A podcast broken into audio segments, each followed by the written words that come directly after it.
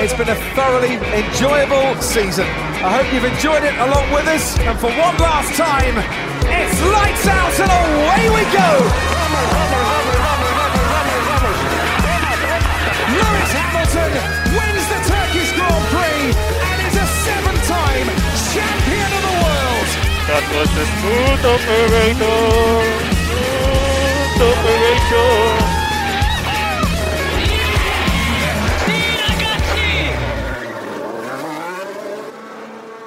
Herkese merhaba. Podstop Podcast'in bu bölümünde her zaman olduğu gibi Deniz ve ben Burak sizlerle beraber Hollanda Grand Prix'sini değerlendireceğiz. Uzun bir aradan sonra 85'ten sonra ilk defa Zandvoort Formula 1'e ev sahipliği yaptı.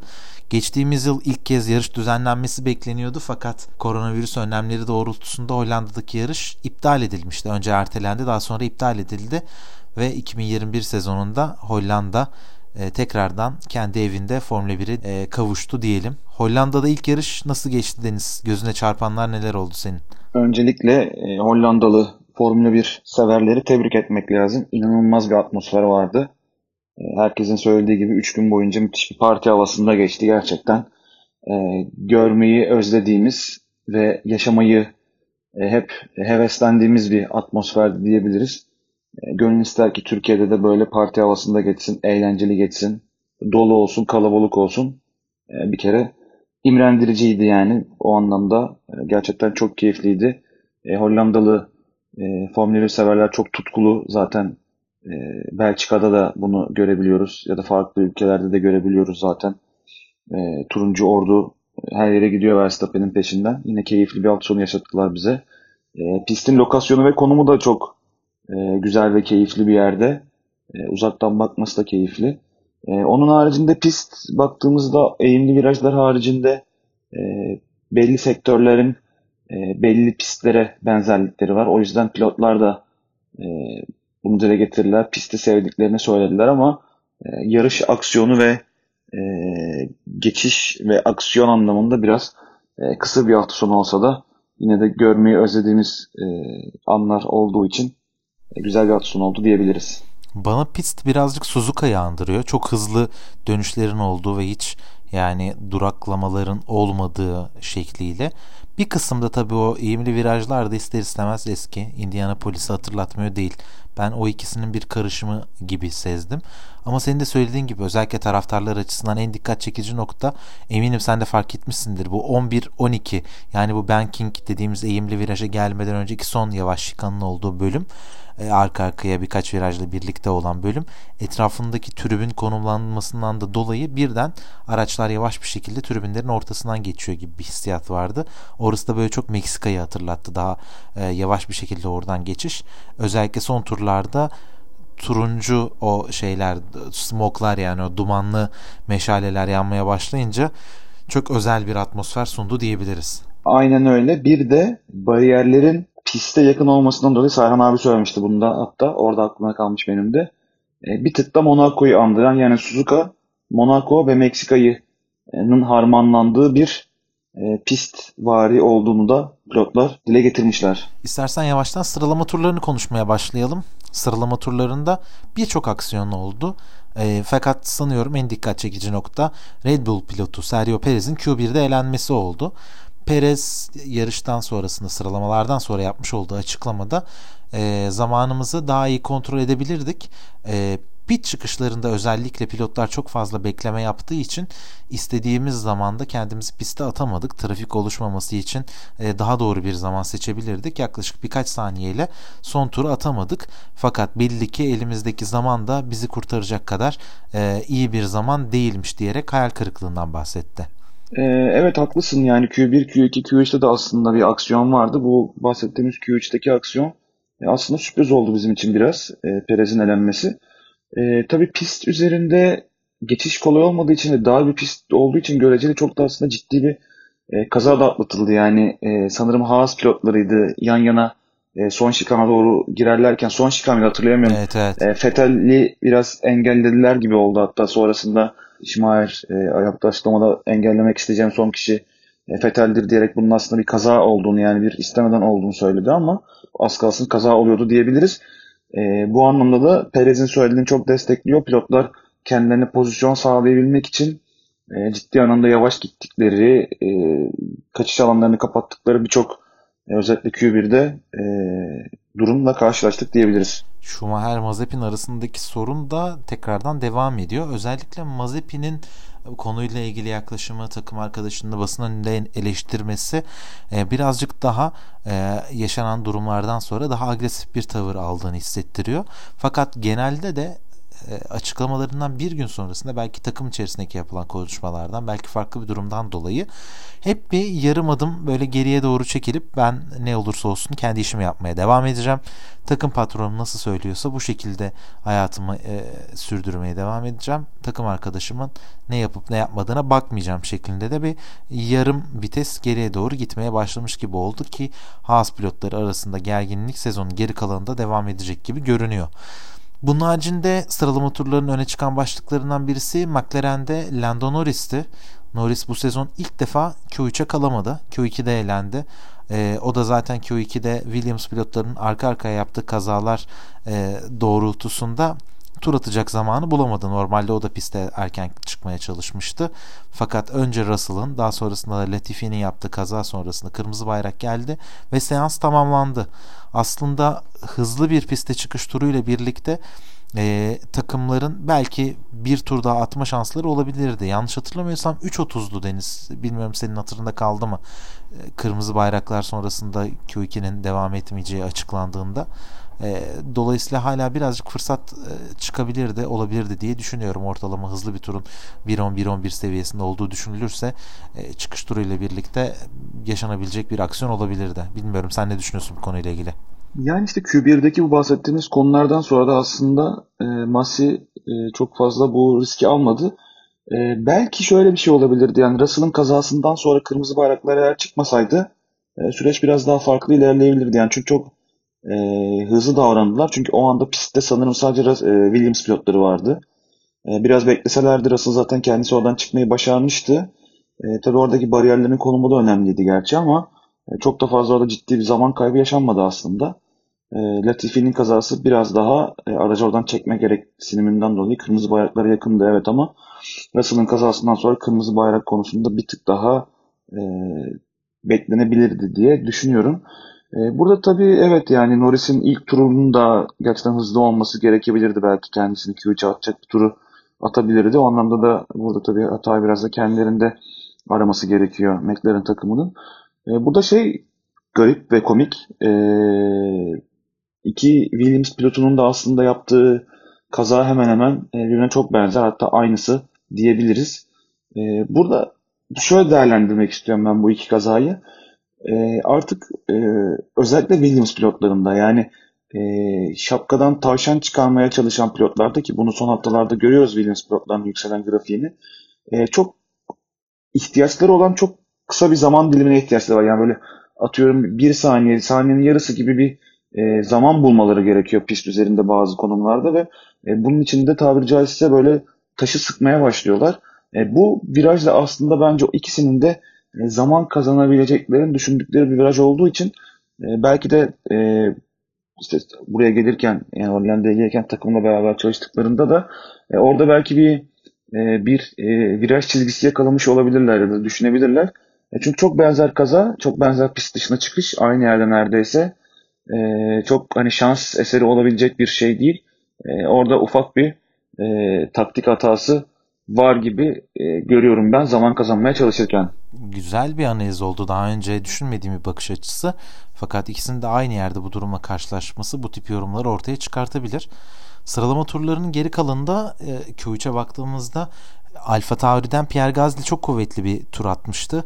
E, tüm cumartesi boyunca gayet iyiydi. İstikrarlı bir sürüş sergilemeye devam etti ve Ferrari'lerin önünde kendini konumlandırdı.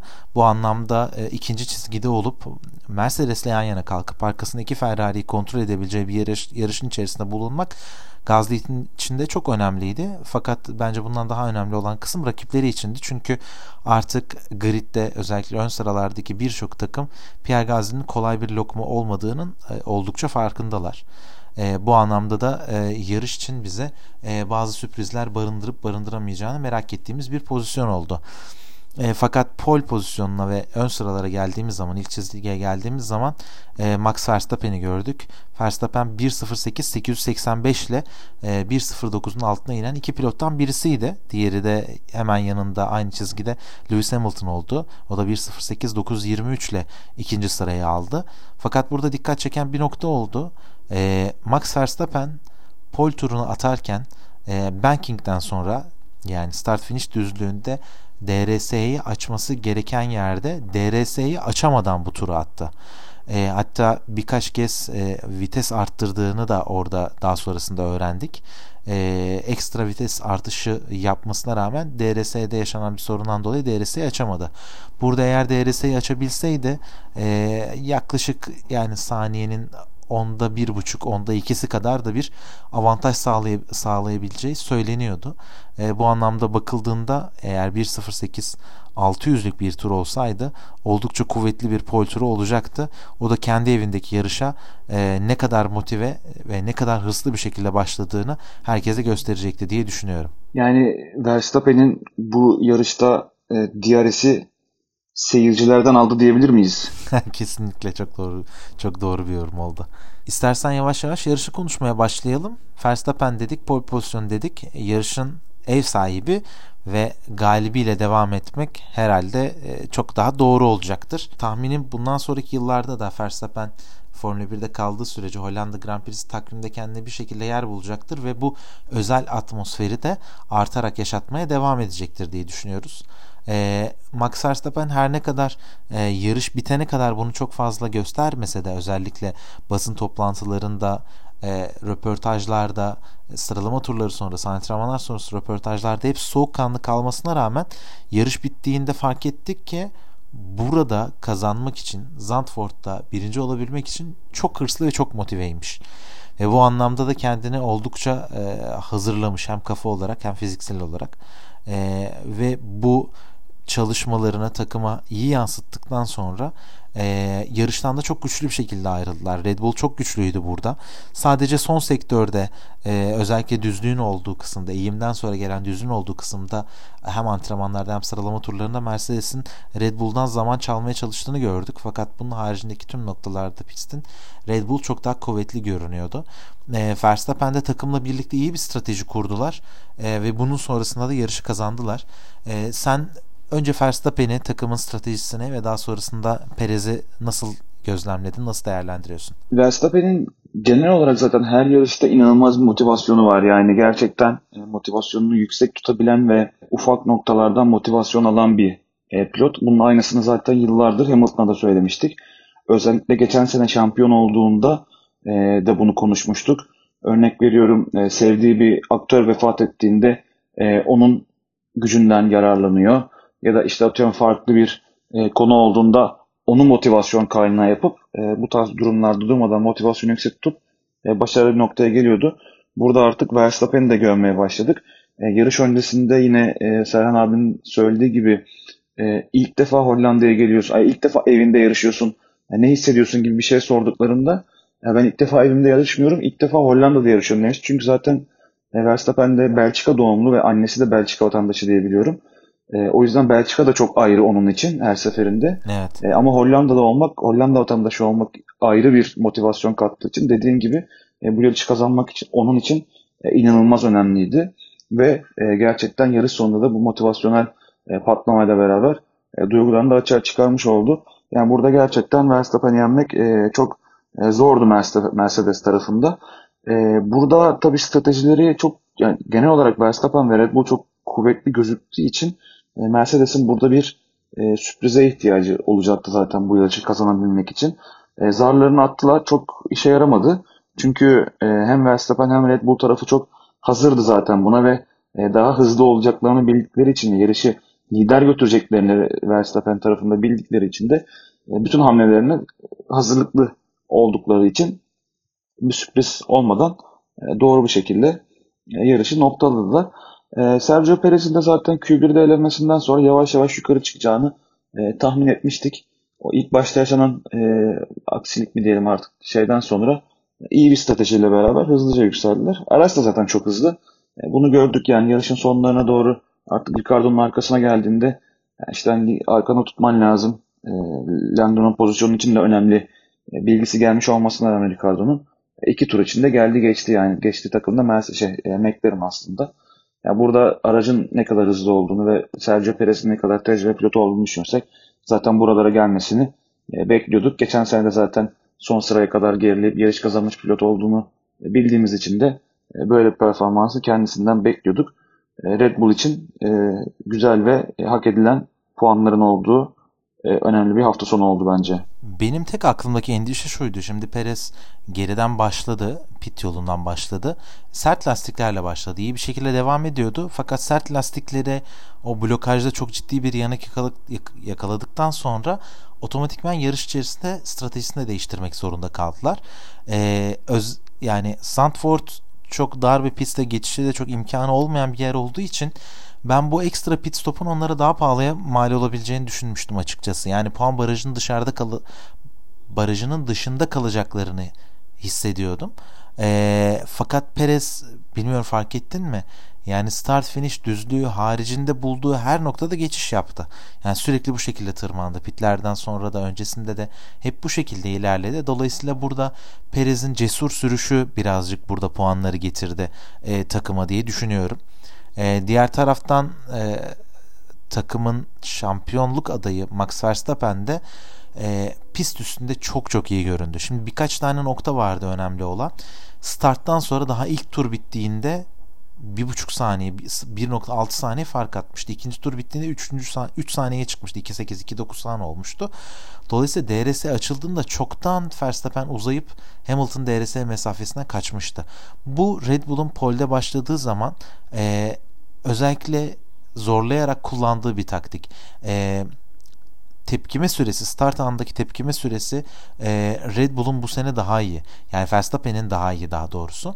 Ve Red Bull aracının da kalkış performansı da çok daha iyi.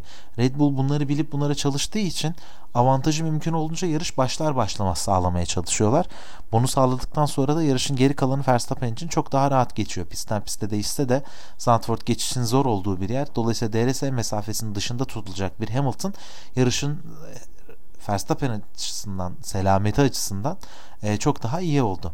Bir diğer kritik nokta da şuydu. Pit stop stratejilerinde e, birazdan Mercedes'te konuşacağız. E, Mercedes hep erken pite girmeye çalıştı. Ama Red Bull fantaziye girmeyip anında cevap verdiler. Hemen bir tur sonrasında Verstappen'i pite aldılar ve pit stoplarda hiçbir aksaklıkla hiçbir soruna karşılaşmadılar. Buradaki en kritik kısım şu oldu. Son pit stoplarda herkes aslında Verstappen orta hamurla devam eder diye beklerken sert hamurlara geçti ve Mercedes orta hamurla devam etti. E, burada bir lastik dezavantajından kaynaklı sorun olacak mı diye düşünürken e, hem tur bindirme seanslarında hem trafik içerisinde Verstappen kendine çok iyi konumlar yakaladı. Eline gelen şansları iyi değerlendirdi ve Hamilton bir ara DRS mesafesine girmesine rağmen e, bir süre sonra onu oradan uzaklaştırmasını başardı e, gerçekten turuncu ordunun önünde e, muazzam keyifli e, harika bir yarış galibiyeti kazanmış oldu. E, bu anlamda da Mercedes dahil yani rakibi Hamilton dahil herkesin takdirini ve övgüsünü de kazandı. Dolayısıyla pazar gecesi Max Verstappen için yatağa yattığında e, çok güzel bebekler gibi uyuduğu uyuyacağı bir e, hafta sonu olarak tamamlandı diye düşünüyorum. İstersen bununla birlikte Mercedes'e mi geçelim? Geçmeden çok kısa bir şey eklemek istiyorum. Bir senaryo daha var aslında şöyle. Şimdi e, yarışın sonlarına doğru az sonra Mercedes konuşurken de değineceğiz buna. E, pilotların yarış sonuna doğru yumuşak lastiklerde hızlı tur denemeleri oldu ama e, burada Mercedes'in e, erken pite girip yumuşak e, orta hamur lastiklerle çıkıp e, daha sonra Verstappen'in de orta hamurlarla çıkmasını bekleyip e, bir yarışı kızıştırma e, potansiyeline sahip olma durumu aslında Perez'in gerilerde olmasından dolayıydı. Yani bu yarışa Perez sonlarda değil atıyorum 4, 5, 6. sırada başlamış olsaydı ve o baskıyı Mercedeslerin arkasında kurabilseydi evet. Hamilton çok rahat bir şekilde orta hamur lastikleri bitirmeye göze alarak yaklaşıp sonra yumuşağı takıp hani yaklaşmaya çalışmak gibi bir plan yapması da mümkün olmayacaktı. Çünkü Perez ensesinde olacaktı. Bu kadar rahat davranamayacaklardı. Ama Perez uzakta olduğu için aslında Mercedes'in biraz daha e, bu tarz stratejileri deneme e, şansı oldu. E, ama e, Verstappen'in dediğin gibi hızlı olmasından kaynaklı e, bunu başaramadılar. Ama gerçekten Perez orada olsaydı işler çok daha farklı olabilirdi. Çünkü pit süresi biraz kısa olduğu için e, bu tarz aksiyonlar denenebilirdi ama o zaman Perez'in önünde olması durumunda müthiş bir e, Red Bull Mercedes kapışması e, yaşanabilirdi. Red Bull'da artık zaten tek pilotla e, iki Mercedes'e karşı yarışmaya öyle alışmış ki bu sefer onlar da stratejik olarak herhangi bir hataya mal vermediler. Elindekinin en iyisini yapmak için her şeyini ortaya koydular. Diyelim bu sefer avı değil avcıyı konuşalım istersen. Mercedes takımı Verstappen'i yakalamak için kendi çaplarında ellerinden geleni yapmaya çalıştılar. Özellikle Lewis Hamilton ön tarafta mücadeleyi hiç bırakmadı. Her defasında 2-3 saniye aralığında devam etti. Kimi zaman DRS mesafesine kadar düşürdü. Pit stopları denedi, stratejiyi denedi, takıma geri bildirimlerde bulundu. E, fakat e, sonuca ulaşamadı. E, ben genel olarak Mercedes'in ilk pit stopunun e, çok erken olduğunu düşünüyorum. Yani burada bir e, Verstappen'in olası erken pit stopunun önüne geçebilmek için belki beklenenden daha erken Hamilton içeri aldılar. E, fakat burada denedikleri undercut e, hiçbir şekilde işlemedi. Her ne kadar Hamilton'ın e, pit sonrası piste çıkış turu çok çok iyi olsa da yaklaşık e, bir buçuk iki saniye civarında bir kazanç sağlamış olsa da Verstappen piste döndükten hemen sonrasında yani daha bir tur içerisinde tekrardan eski farkı neredeyse yakalamaya başlamıştı. E, bu anlamda çok e, mantıklı bir strateji olmadı bence. Sen nasıl gördün Hamilton'ın ve Mercedes, Mercedes'in yarış stratejisini? Yani evet sonuçta işe yaramayan bir strateji oldu. O yüzden bunu çok e, doğru bir strateji olarak değerlendiremeyebiliriz. E, ama tabii burada e, Hamilton'ın evet çıkışı turu iyiydi ama trafiğin içine düşmüş olması onun için büyük bir şanssızlık oldu. E, bu da zaten bunu öngörebiliyor olması gerekiyordu takımın. E, bunu öngöremedikleri için de orada bir zaman kaybı yaşanmış olabilme ihtimali e, söz konusu. E, o yüzden hani çok da başarılı olduğunu söyleyemeyiz. E, tabii burada e, Red Bull'un karşı hamlesi de çok önemliydi sert lastiklerle çıkma konusunda. E, orta hamurla çıksa e, ne kadar bir başarı elde ederlerdi? E, çok hani yine de çok ciddi bir başarı elde edeceklerini sanmıyorum. Bu hafta sonu için e, Mercedes'in en ideal sonucu zaten 2 ve 3'tü. E, bence ideal yerlerinde bitirip sorunsuz bir hafta sonu geçirirler e, benim gözümde. E, Mercedes devam etmeden önce yani e, yine son turlardaki bu hızlı e, en hızlı tur denemelerini konuşacağız az sonra ama buna gelmeden ben bir spekülasyon atmak istiyorum ortaya. Yani biraz ortalığı karıştırmak istiyorum bu hafta sonu özelinde. Tabii. E, az önce sen de söyledin.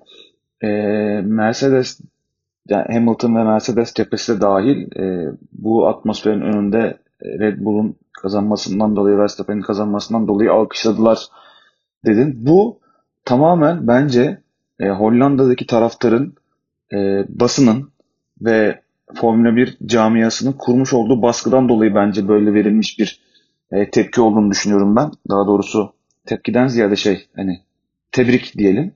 E, çünkü Hamilton gibi İngiltere'de e, çok yüksek süratle kaza yapıp hastaneye kaldırılmış bir Verstappen yarışından sonra inanılmaz abartı bir şekilde sevinen bir Hamilton'ın e, bu tarz konulara e, ne kadar aslında mücadeleci ve e, rekabetçi bir e, pilot olduğunu bildiğimiz Hamilton'ın acaba Hollanda'ya gittiğinde ıslıklanacak mı? İşte yuhalanacak mı? Nasıl bir tepki bekleniyor? İşte Hollanda'da neyle karşılaşacağı belli değil. Baskısının hafta başından beri üzerine kurulmasından dolayı inanılmaz bir atmosfer olmasından dolayı e, burada e, ters bir e, açıklama yapmaktan çekindiği için bence bu kadar sıcakkanlı ve e, Verstappen'i kucaklayıcı bir e, açıklama yaptığını düşünüyorum ben şahsen. Birazcık e, maçası yemedi diye düşünüyorum. Ya Formula 1 gibi politikanın çok ağır ve yoğun yaşandığı bir sporda bunun gibi komplo teorileri e, mantıksız gelmiyor. E, fakat gerçek olup olmadığı da hiçbir zaman kanıtlanabilir seviyede de kalmıyor maalesef. Dolayısıyla bunu bu şekilde düşünüp yorumlayıp yaşatmak e, sanıyorum en mantıklısı olacaktır. E, bunun haricinde şöyle bir durum da olduğunu düşünüyorum ben.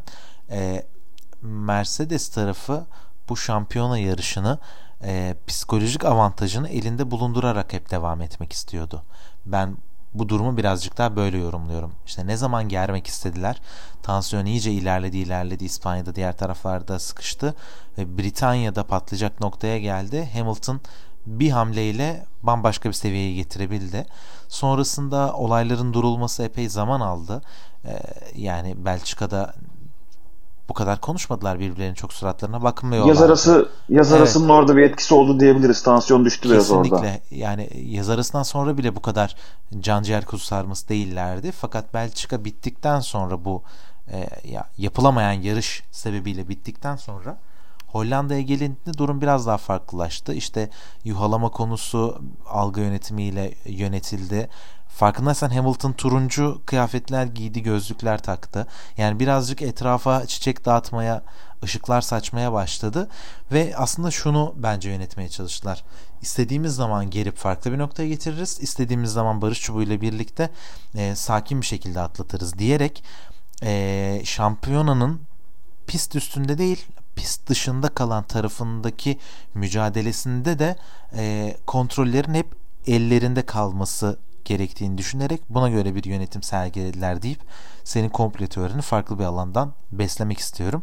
E, eminim dinleyicilerimiz de e, kendilerine uygun gördüklerini ya da kendi e, düşündükleri farklı teorileri de ortaya atabilirler. Her ne olursa olsun Hamilton Verstappen arasındaki şampiyonluk yarışı çok keyifli bir şekilde devam edecek diye düşünüyoruz. E, buradan birlikte istersen bir diğer takım içi mücadelesine geçelim. Son turlarda Valtteri Bottas ve Lewis Hamilton arasında bir en hızlı tur savaşı oldu. Çünkü önce Valtteri Bottas pite geldi. Yumuşak lastik taktılar. Burada önce takım mühendisi daha sonrasında da James Allison'la bir telsiz konuşması vardı Bottas'ın e, yayına da yansıyan şekilde. E, ve Bottas mor sektör zamanlarıyla ilk iki sektörü geldiğinde James Allison devreye girip Valtteri en hızlı tur atma bunu Lewis için saklıyoruz şeklinde bir e, açıklamada bulundu ve Bottas'tan cevap gelmedi. En hızlı turu aldı.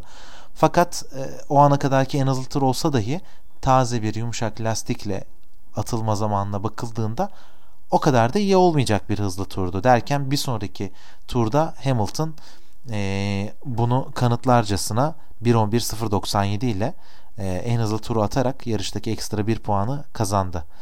Bottas Hamilton arasındaki son e, iki turdaki mücadeleye ne diyorsun? Daha doğrusu buna Bottas ve Mercedes takım garajı evet. arasında desek sanki biraz daha doğru olacak. Ee, çok doğru. Yani bu tamamen e, Bottas'ı artık takımın e, gözden çıkarttığı anlamına geliyor. Yani o bir puanı e, biz Hamilton'a vereceğiz anlamına geliyor. Çünkü yoksa yoksa yeni bir komple teorisi mi geliyor? Gözden çıkarttı mı Mercedes Bottas'ı? Bottas çöp.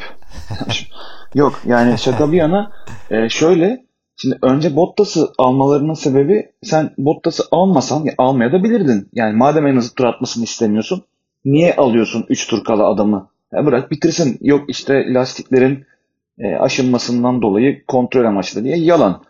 E, biz Hamilton'ı da alacağız. Hani Hamilton'ı alırsak seni almazsak aranızdaki fark kapanacak. Hani olur da bir den yoluk yaparsın, vurursun, kırarsın, basarsın gaza bir şey olur. Bizi hani zora sokma. Biz önce seni bir alalım. Hani diyelim ki lastiklerinde problem vardı. Ne olur ne olmaz diye aldık. Ama biz sana hop duru diyelim. Sen hızlı tur atma. Abin sonra girsin içeri. Lastikleri tazelesin. Çıksın. Hızlı tur alsın. Yoluna baksın.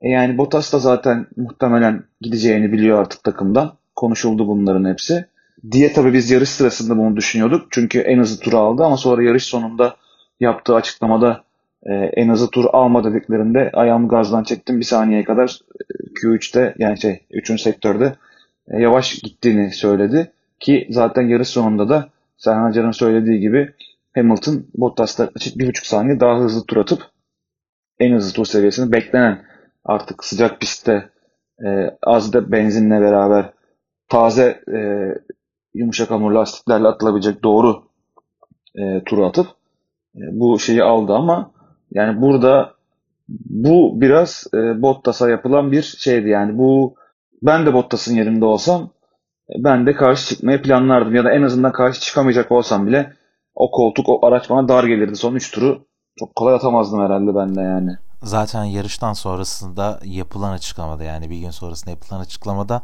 Valtteri Bottas 2022 yılından itibaren Alfa Romeo ile anlaştığını açıkladı. Bunu da iki tarafta doğruladı. E, dolayısıyla yani bir süredir e, bunu pilotların bildiği varsayıldığı zaman açıklama öncesinde de Bottas'ın e, senin de söylediğin gibi sanırım kendi sabrını ve e, zorlayan bazı durumlarla karşılaşıp böyle bir cevap vermiş olabileceğini düşünebiliriz. İstersen çok kısa Bottas Alfa Romeo birlikteliğinden de bahsedelim. Öyle yarış konuşmaya devam edelim. Yani bu aslında evet çok kısa konuşabiliriz bunu ama çok uzun uzadıya da konuşulması gereken konulardan biri çünkü e, öncesinde de yani birkaç hafta öncesinde de okuduğumuzda gördüğümüz şeyler Mercedes'in Bottas'ı e, Ferrari motoru kullanan bir takıma kaptırmak istemeyeceği e, yönündeydi. Çünkü bilgi 5 yıldır burada beraberler ve yani bu bilgi birikimini e, Mercedes'ten aldığı bilgi birikimini Ferrari motorlu bir takıma göndermek istemeyecektir Mercedes'te konuşurken e, buraya gidiyor olması e, yani acaba Alfa Romeo'nun motor tedarikçisi değişecek mi? Ama Mercedes'in çok fazla var. Yani ne olacak gibi e, burada yine ciddi bir e, soru işaretleri e, silsilesi ortaya çıkartıyor. E, ben çok başarılı olabilecek mi emin değilim ama en azından e, Bottas'ı e, birinci pilot olarak izleyebileceğiz bir takımda e, merak ediyorum ve neler başarabileceğini ya da başarmaya çalışacağını e, görmek açısından bizim için iyi olacak. Alfa Romeo bir Finli'den sonra başka bir Finli ile yoluna devam etmeye karar verdi.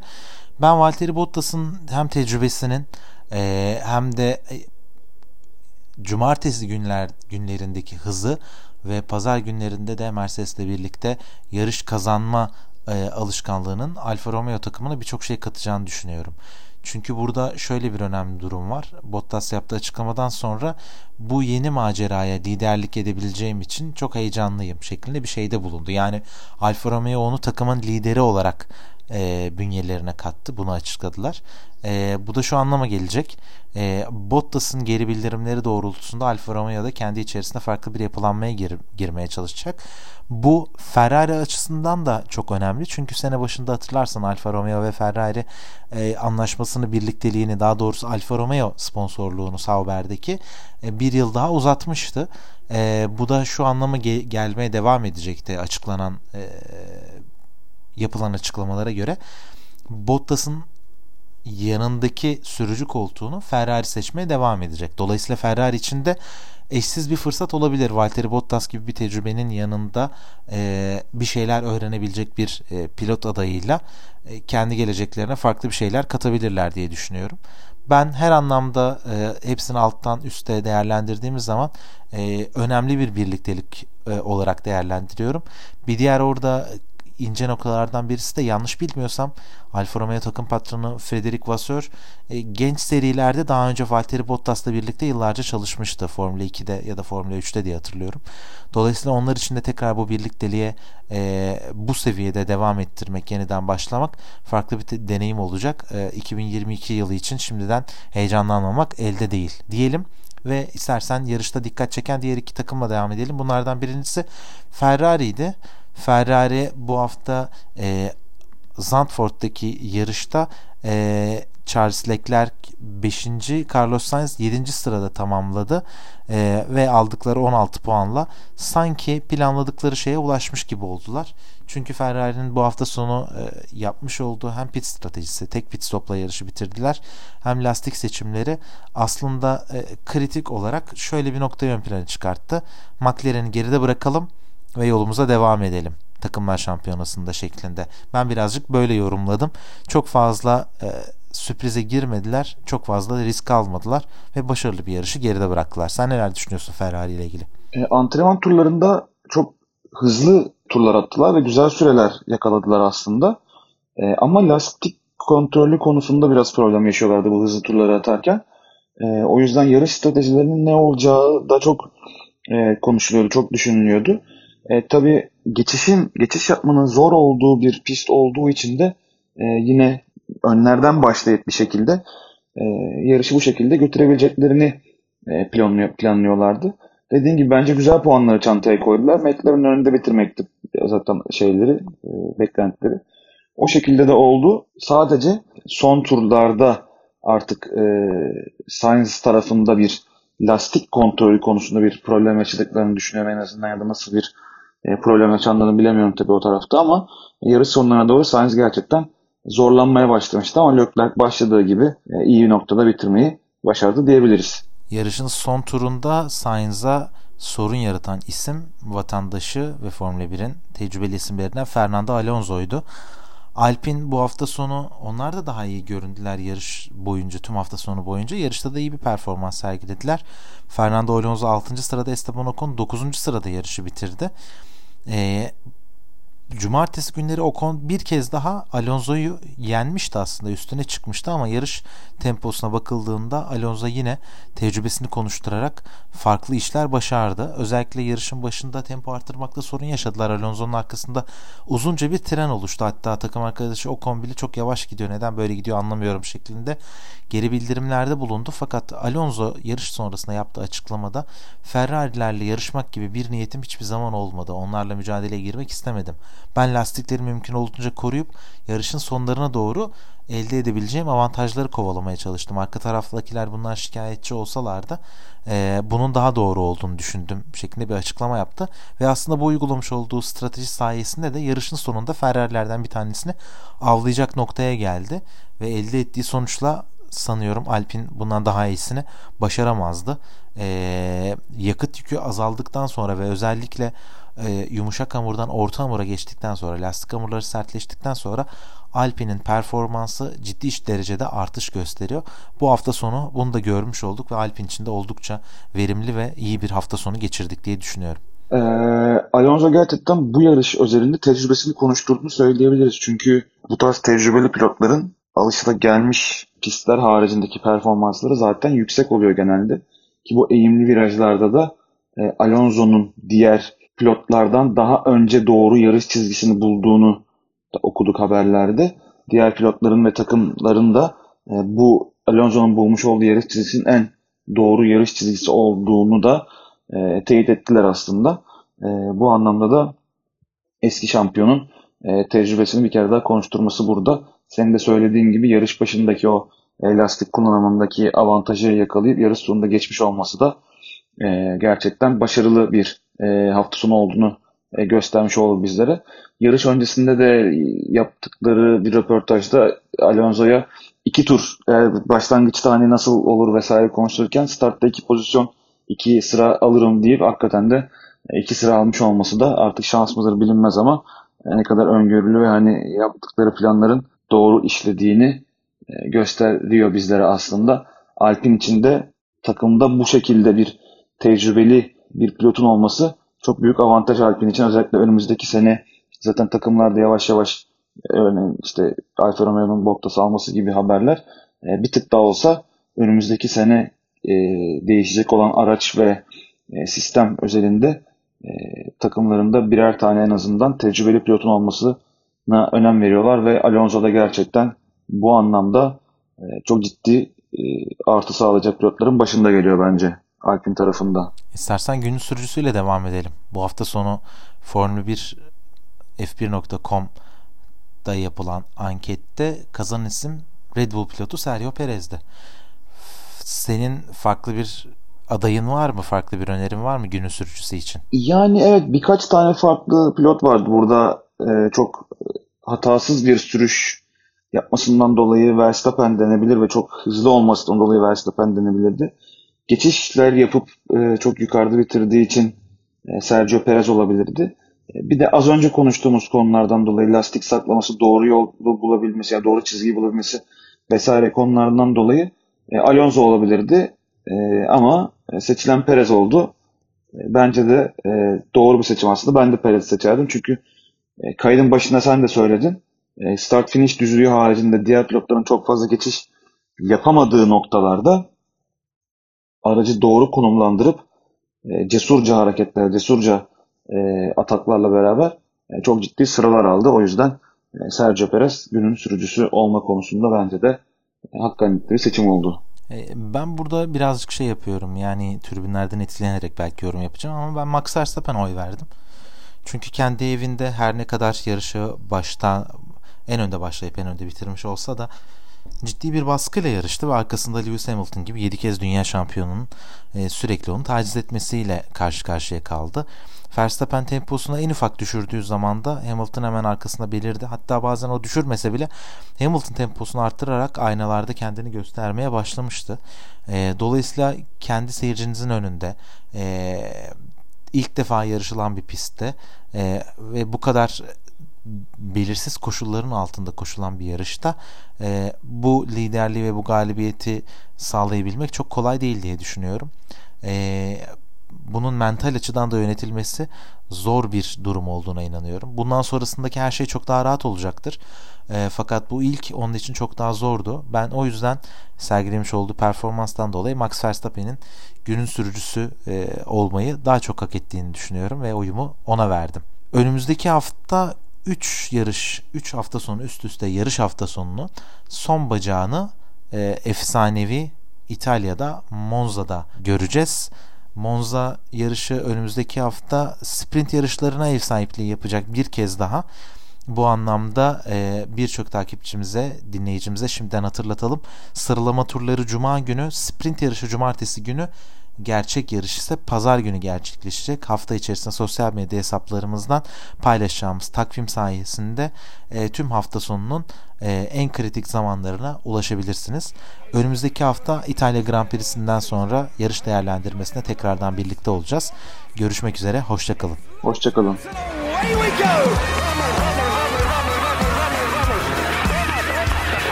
That was the smooth of Smooth operation.